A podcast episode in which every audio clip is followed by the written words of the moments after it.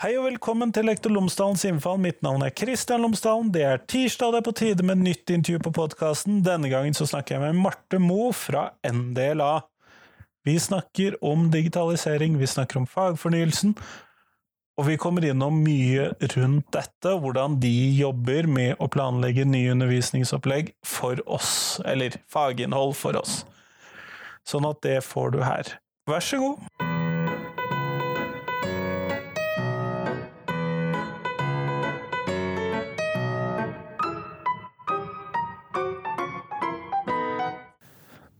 Marte Moe, tusen takk for at du har tatt deg tid til meg i dag. Ja, takk for at jeg fikk lov til å komme. Før vi starter selve intervjuet, så kunne du fortalt lytterne mine tre ting om deg selv, sånn at de kan bli litt bedre kjent med deg. Ja. Jeg heter Marte Moe og jobber for NDLA, Nasjonal digital læringsarena. Eh, det vil si, egentlig så jobber jeg for eh, Agder fylkeskommune. Jeg er tilsatt ved Kristiansand katedralskole i Gimle, norsklektor. Eh, men er utlånt til NLA for å jobbe eh, med revisjon av norskfaget spesielt. da, Ansvar for norskfaget. Eh, men også liksom spesielt ansvar for fagfornyelsen. da. Så er jo Rører jeg knoter litt på sånn kristiansandsk, så er jeg sånn jeg utflytta nordlending. Eh, så jeg ruller R Kristiansands R, da. Og så jeg var norsklektor, noe som jeg har lyst til å si, da, som jeg liksom møter ofte på. Det er en sånn forestilling om at norsklærer, alle norsklektorer de har ikke hatt et liv utenfor eh, skolen. Eh, men så har jeg valgt å bli lærer ganske seint, faktisk. Så jeg har mye. Jeg har yrkesfaglig utdanning og jobba i reklame. og ja, havna til slutt da, som lærer. Da. Mm. En praktisk inngang til retorikken i norskfaget? Ja, for eksempel. nettopp, nettopp. Det høres bra ut. Uh, og For å starte dette, så må jeg rett og slett spørre mer hva er NDLA? Fordi at det er ikke gitt at alle har hørt om det. Nei. Nasjonal digital læringsarena det er et interfylkeskommunalt samarbeid. Liksom, men det er altså alle fylkeskommunene utenom Oslo som har et sånt samarbeid eh, om å lage digitale læringsressurser. Og, eh, det som er spesielt med oss, er at vi er åpne. Vi produserer under åpne lisenser, og det er tilgjengelig og, og gratis for alle. Så dekker vi veldig mange fag. Eh, det er jo liksom hvordan du teller fag, men over 100 eksamensfag eh, har vi. da. Og Vi har store fag, og vi har bitte små fag, sånn som samisk bl.a. Ja, jeg så dere hadde naturbruk dukket opp på eh, Facebooken min som en sånn reklame her om dagen. Ja, ja. Det har vi også. Det syns jeg var litt gøy. ja. Det er litt å finne for folk som ikke er i skolen også. Der. For eksempel hvordan beskjære bærbusker, så de hadde film om her. og sånn. Det tenkte jeg, å, det har jo jeg bruk for. jeg gikk faktisk ikke inn og sjekket, og jeg trenger å kunne beskjære noen bærbusker i år, sånn at det er mulig at jeg faktisk kan sjekke videoen. Men det som da er jo selvfølgelig hovedspørsmålet, det er jo hvordan jobber dere da i NDLA med fagfornyelsen? Fordi nå står vi oppe, vi skal bytte ut alle læreplanene, vi skal krympe en hel del læreplaner, vi skal kanskje bygge ut noen, har jeg sett. Ja. Eh, og noen har, har vel ikke dere sett ennå heller? Vi, eh, vi reviderer jo eh, alle VG1-fagene nå. Det er det vi holder på med dette skoleåret. Selvfølgelig planlagt litt lenger enn det, men da vet jo alle hvordan, eh, hvor seint disse læreplanene kom. Det er jo litt vanskelig å planlegge før de dukker opp. Ja, men selvfølgelig, vi måtte jo planlegge lenge på kjerneelementer og overordna del og sånn. Så, så mm, og så synes jeg jo, Det er jo kanskje sidespor, da, men jeg syns kanskje at eh, det som lå i overordna del, eh, kanskje ikke helt har liksom flydd, helt ut. da. I, når vi ser kompetansemål og sånn, så er det sånn litt kløse i hodet. Så nei, det er et interessant arbeid. Vi i NDLA har jo det som er kanskje litt spesielt med oss, er jo at vi er ikke så veldig mange. Hvis jeg tar alle de som jobber i fagredaksjonene som, som holder på å produsere nytt stoff, så er vi noen av 40 stykker. Og vi jobber på tvers hele tida. Det har vi jo for gjort før fagfornyelsen også, så det er noe tverrfaglig samarbeid. Det ligger litt sånn i, i NDLA-blodet, da. Så som hver uke så har alle ja, vi kan kalle det redaktører, da. Vi, vi kaller også læremiddelansvarlige. Vi har møter, og da eh, ja, da vet vi, vi vet hva som foregår i de ulike fagene på, på NDLA. Eh, så vi gjør egentlig flere ting samtidig. Det er selvfølgelig å revidere fagene vi har ansvar for. Eh, og I tillegg så har vi jobba ganske mye faktisk med liksom tverrfaglig opplegg. For vi, vi synes jo, og det så vi jo ganske sånn tidlig over del av, at dette her er liksom litt av kjernen til dybdelæring. Det er at eleven får se hvordan ting henger sammen. For det er noe som, i hvert fall som, som lærere også sier, altså Elever sier, har ofte sagt til meg at eh, vi går fra fag til fag og liksom begynner på nytt hver gang og ser ikke hvordan ting henger sammen. Så vi hadde lyst til å lage noen ressurser som kan vise elever da, hvordan du kan ta en problemstilling, eller en case, som på godt norsk, eh, og jobbe med den. Og så kunne finne liksom, kanskje flere svar da, på eh, på et emne og skikkelig gå i dybden på det med å bruke alt fra naturfag og norsk og engelsk og samfunnsfag sammen. da. Og litt sånn bryte ned faggrensene. Uh, men så har han kanskje Udir et, sånn etter hvert da, blitt mer og mer tydelig på at uh, dybdelæring skal foregå i faget. Altså på fagets premisser. Så det er jo sånn Vi er jo enige i det, så vi, vi gjør liksom flere ting. da. Uh, både tenker selvfølgelig dybdelæring og tverrfaglige tema inn i enkeltfag, men har brukt ganske mye tid på dette med å se hva som kan binde fag sammen. Og det, er, det er jo noe av det gøyeste å jobbe med. det, Få skikkelig innsikt i hvordan andre fag tenker og, og jobber. Det, det, har vært lærerikt. Det syns egentlig flere lærere burde gjøre. Altså Være litt mer nysgjerrig på liksom, realfag hvis du er norsk lærer. Og hva det de driver med som de får til, og er det noe jeg kan lære av de. Så, mm. Men, og der kommer du inn en problemstilling at en del ting, kompetanseområder, skal gjennomgås på veldig forskjellige årskull i de forskjellige fagene. Eller på videregående hvor man har naturfag i første klasse, og så har du samfunnsfag i Ja, det har du faktisk samtidig, men du har historie i andre klasse, da. Mm. Ja, og det der historie, hvorfor kommer det først? Altså, I norskfaget så syns vi jo det er veldig eh, nyttig da, altså, å jobbe sammen med historiefaget eh, i noen sammenhenger. da, At en kan se noen muligheter der. og Det, det er, litt, det er litt sånn synd også. Samfunnsfag også kunne du godt hatt videre, ikke vel, i VG2 og, og VG3. Det er jo et viktig fag. Det. Så det er litt sånn, ja, også når du da begynner å se på hvordan de faktisk valgte å legge disse tverrfaglige temaene inn i de ulike fagene, så ble det jo enda mer komplisert. da. At noen fag ikke fikk alle de eh, tre tverrfaglige emnene som, som er lagt. Så da, ja. Men vi har nok litt tenkt eh, Selvfølgelig følger vi det læreplanene sier, og sånn, vi har nok liksom tenkt allikevel at eh, vi opplever i hvert fall at lærere er liksom på hugget. De har lyst til å jobbe tverrfaglig også. Sånn selv om, selv om kanskje et fag ikke har et tverrfaglig emne, så er det jo ikke forbudt å det er ikke forbudt å jobbe med bærekraft selv om faget ditt ikke har det som tverrfaglig emne. Det tenker jeg overordna del på en måte dekker, da. Altså gir et grunnlag for å kunne gjøre. Ja, for det er, eh, akkurat bærekraft for eksempel, er jo ikke så vanskelig å finne argumenter for hvorfor det hører innenfor uh, læreplanmål A, B, C, D i nesten et hvilket som helst fag. Ja, nei, for Det med bærekraft er jo så omfattende, så det er jo litt sånn, begynner å lure på om de har hatt en litt begrensa tolkning av hva som ligger i det begrepet. Da. Hvis en tenker at det ikke bare handler om miljø og klima, men også om likeverd, bl.a. vel menneskelige forhold og sånn, så er vi jo ja, ytringsfrihet. Alt dette her er jo liksom inne i alle fag. da. Så ja, nei, Det er litt sånn vanskelig å forstå da, eh, sånn, hvordan det endte opp. Men det er klart det er noen politiske føringer her som nok har spilt inn. Eh, det er jo som regel det i læreplanarbeid, har jeg oppdaget. Eh, ja, det skjer noen endringer underveis der som ikke du helt skjønner ut fra å ha lest høringsinnspill. Altså, så plutselig skjer det ting. Ja. ja, nei, det har vi vel oppdaget alle sammen. Eh, men når dere da skal jobbe med dette, og det må man jo kanskje etablere først Dere har en ren digital arena. Mm. Dere ja, fins ikke i en bok. Nei, vi gjør ikke det, altså. Eh, så da er vel kanskje det spørsmålet om hvordan dere tenker rundt digitalisering av skolen og digitale læremidler og sånn. Eh, det ligger vel kanskje ganske sånn, hva skal vi kalle det, i blodet, da? Ja, men det er jo ikke sånn at skal du si, Det som uh, vi har snakka en del om, det er at ja, vi skal tilby gode læremidler, digitale læremidler. Men det betyr ikke nødvendigvis at alt eleven skal gjøre, skjer foran skjermen elever blir eh, skjermtrøtte. Eh, og så tror jeg det ja, ganske mange er enig med meg om det med, med at det er lurt å lære ting på flere måter.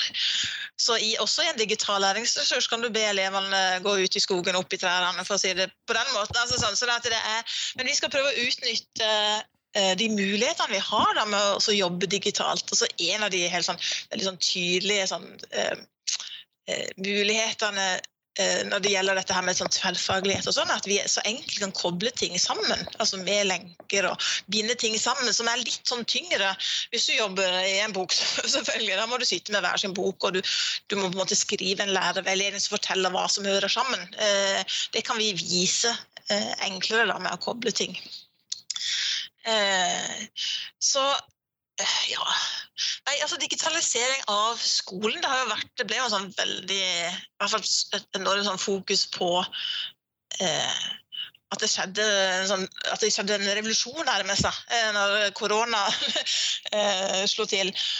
Um, og det, jeg tror mange heisa rundt altså, og fikk liksom eh, prøvd seg og, og, prøvd nye ting. Og det er kjempe, kjempebra, men jeg er litt sånn spent på hvordan det fortsetter. Eh, for for noen så ble det å fortsette med noe, eller bare liksom gjøre små endringer på en praksis de allerede hadde. De hadde en sånn undervisning som lett lar seg overføre til en, en eh, ja, digital plattform, da, eller et verktøy som de kan bruke undervisninga. Mens andre måtte liksom lære seg verktøyene. De måtte begynne der, og de eh, måtte liksom tenke kanskje det er ganske nytt om undervisning. Så jeg er litt sånn spent på fortsettelsen, om, om det er noe de tar det med seg videre. Eh, men kanskje det viktigste er jo at de begynner å tenke forbi verktøyet. Så jeg skjønner at, det, at man eh, når man har lært seg verktøyet, tenker mer, lettere å se flere muligheter. Da, bruke, bruke, det. For det er jo det digitale i seg selv, det er jo ikke det som er verdien, det er jo liksom hvordan, hvordan du bruker det. det er også med alle, alle verktøy. da. Den hamren er veldig god i mange, mange situasjoner, men ikke, ikke alltid. Veldig dårlig til å skrive på tavla med. Ja, for eksempel ja, nei, fordi at Tavlen er jo et uh, eksempel på en sånn teknologi som er veldig innarbeidet, og vi ikke egentlig tenker på som teknologi, men vi bare bruker det som et verktøy. Mm. Ja, altså blyanten for den saks skyld, altså, ikke vel? Det er jo alt. det er jo verktøy, da. Ja. ja. Så og så altså Sånn som tavla har sine fordeler og har sine si, begrensninger. da, Altså, er, Og sånn er det med det digitale også. Veldig vanskelig å formidle kontakt eller det mellommenneskelige. Det er jo veldig mye vanskelig med en gang du går via et sånt verktøy. da.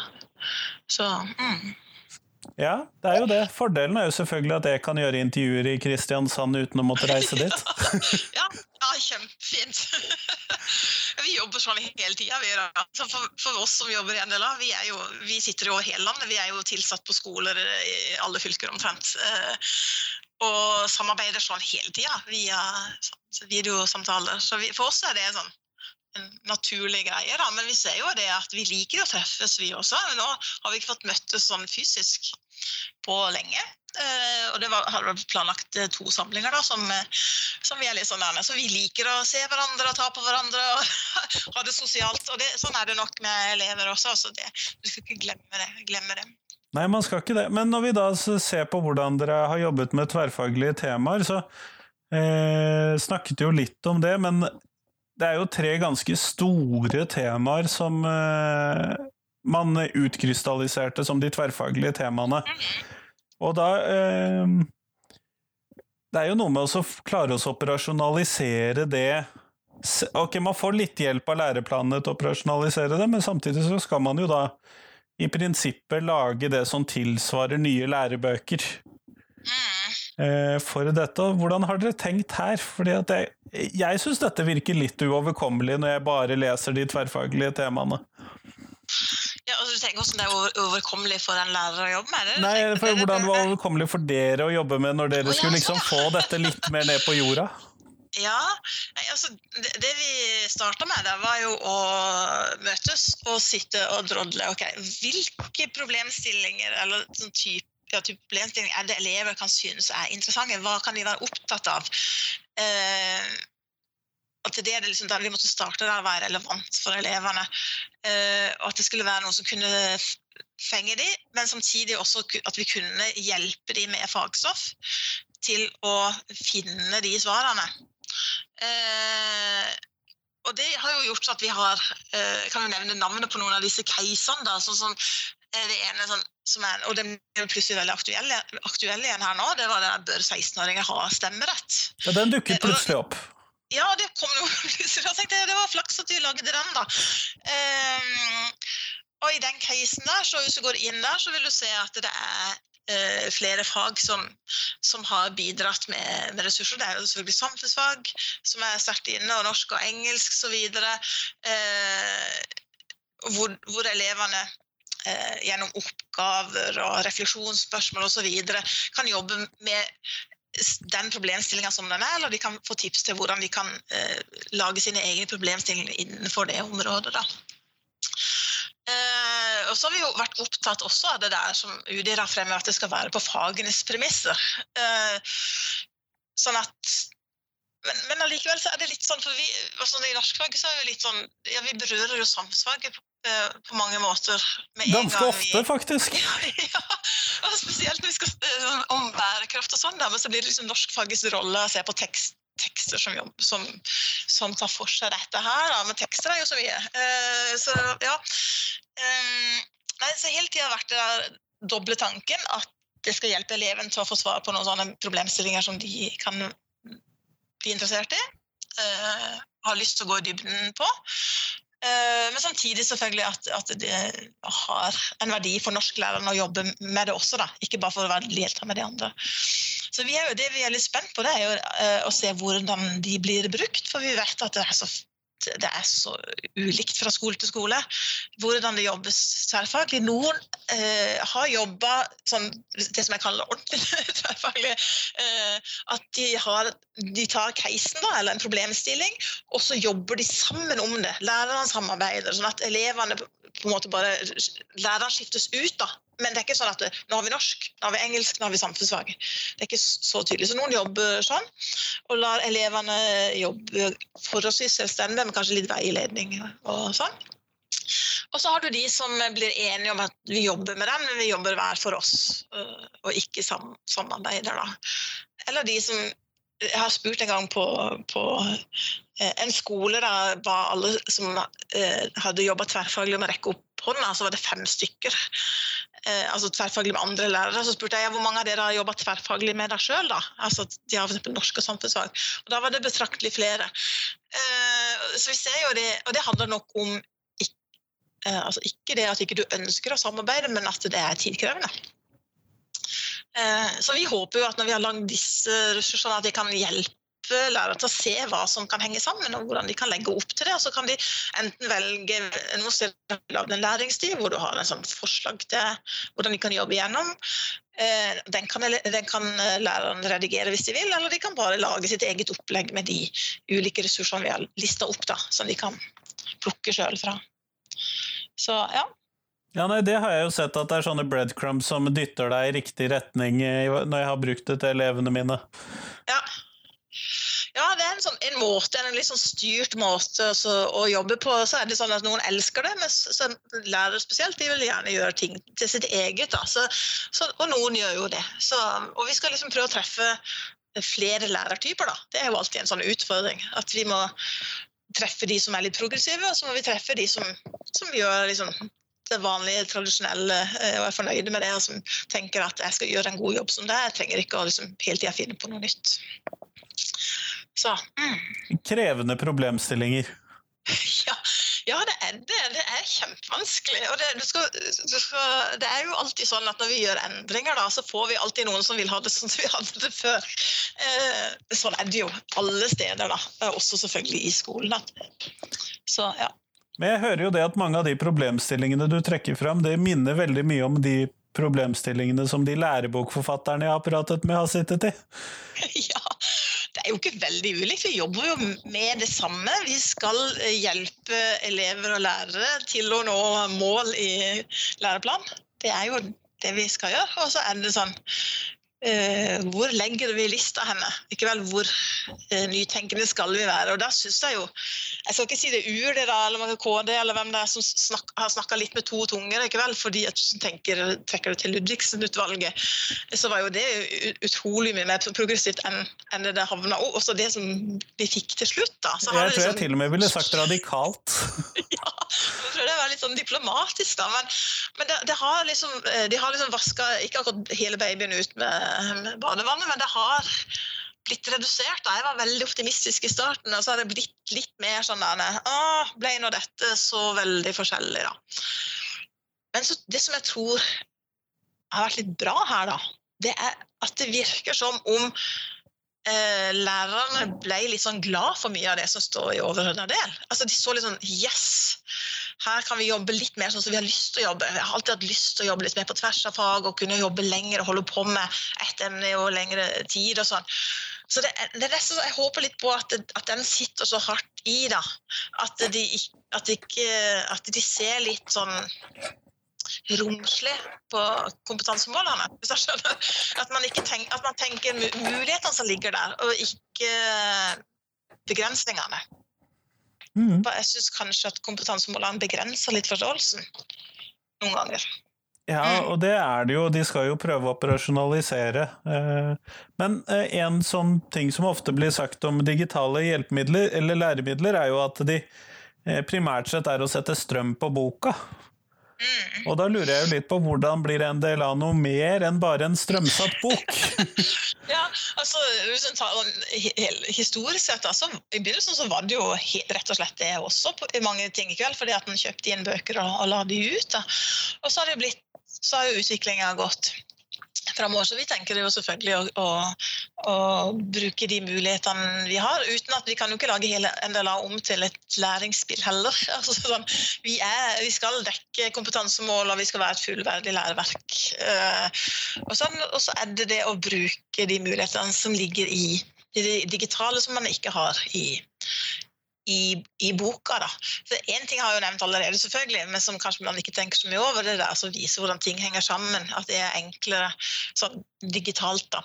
Men så har du dette her med, med interaktivitet eh, og interaktive oppgaver og, og sånne ting som, som, selvfølgelig ikke du får til i, i trykte medier. da.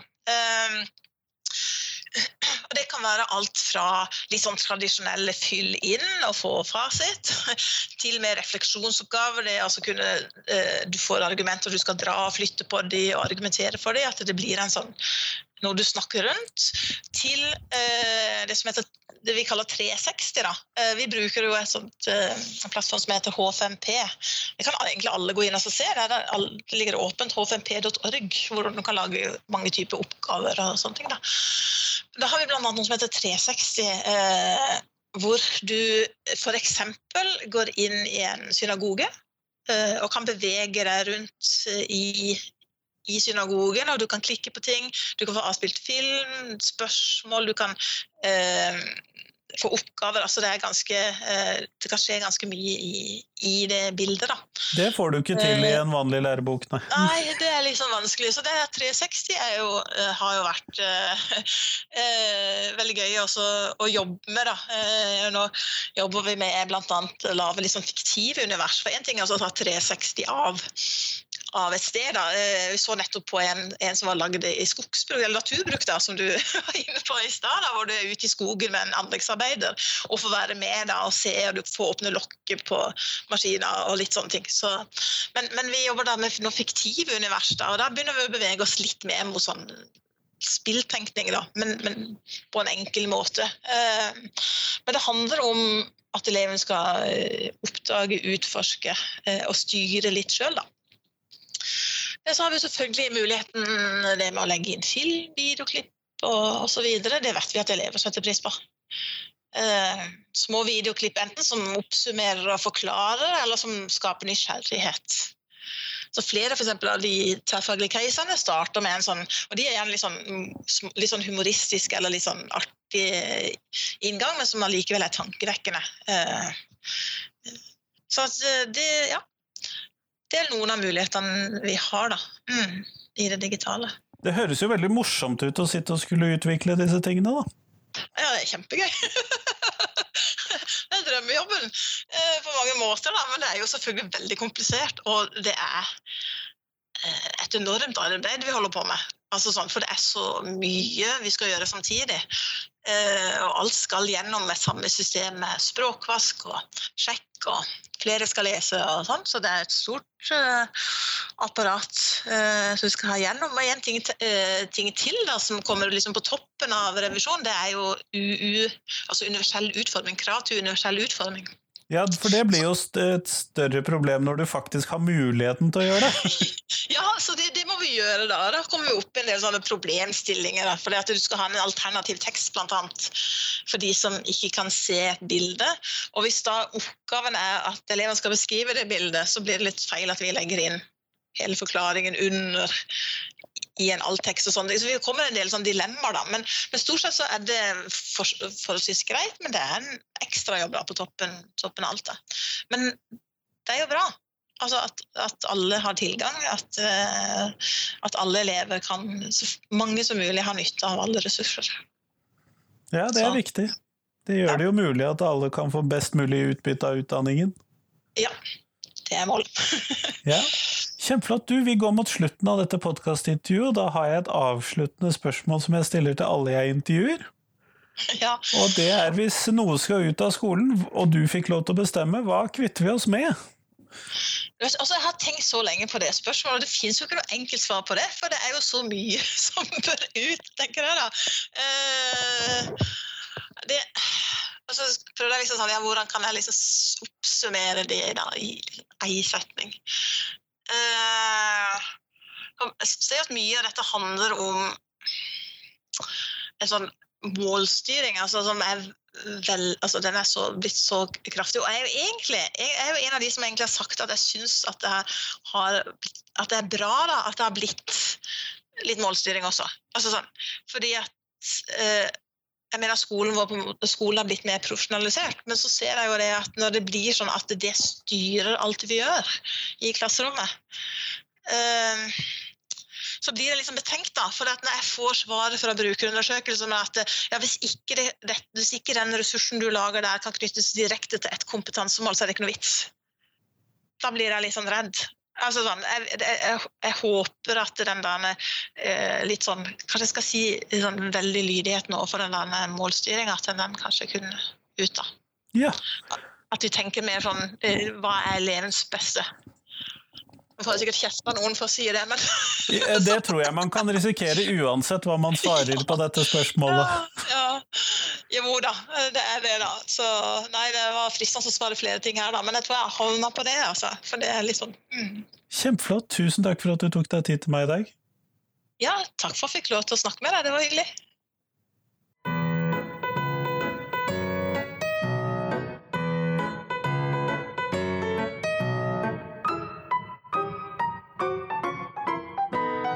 Tusen takk til Marte, og tusen takk til deg som hørte på podkastepisoden. Nå er det bare noen dager igjen til neste episode, for den kommer på fredag. Jeg har jo dobbelt så mange episoder for tiden. Det syns jeg er veldig gøy men jeg håper at du gleder deg til det. Da hører vi med Tom Are Trippestad fra Høgskolen på Vestlandet, og vi snakker om det skolesystemet vi har, det skolesystemet vi kunne hatt, og hvorfor vi har det skolesystemet vi har. Hva kan vi lære av fortiden, hva trenger vi fremover, osv. Det får du på fredag. Men i hvert fall, fram til da, del podkasten min med noen som du tror vil like den færre hører av en eller annen grunn på podkast om sommeren. Det syns jeg er kjemperart, for nå har vi jo masse tid, så del podkasten med noen som du tror vil være interessert i det. Hei, hei!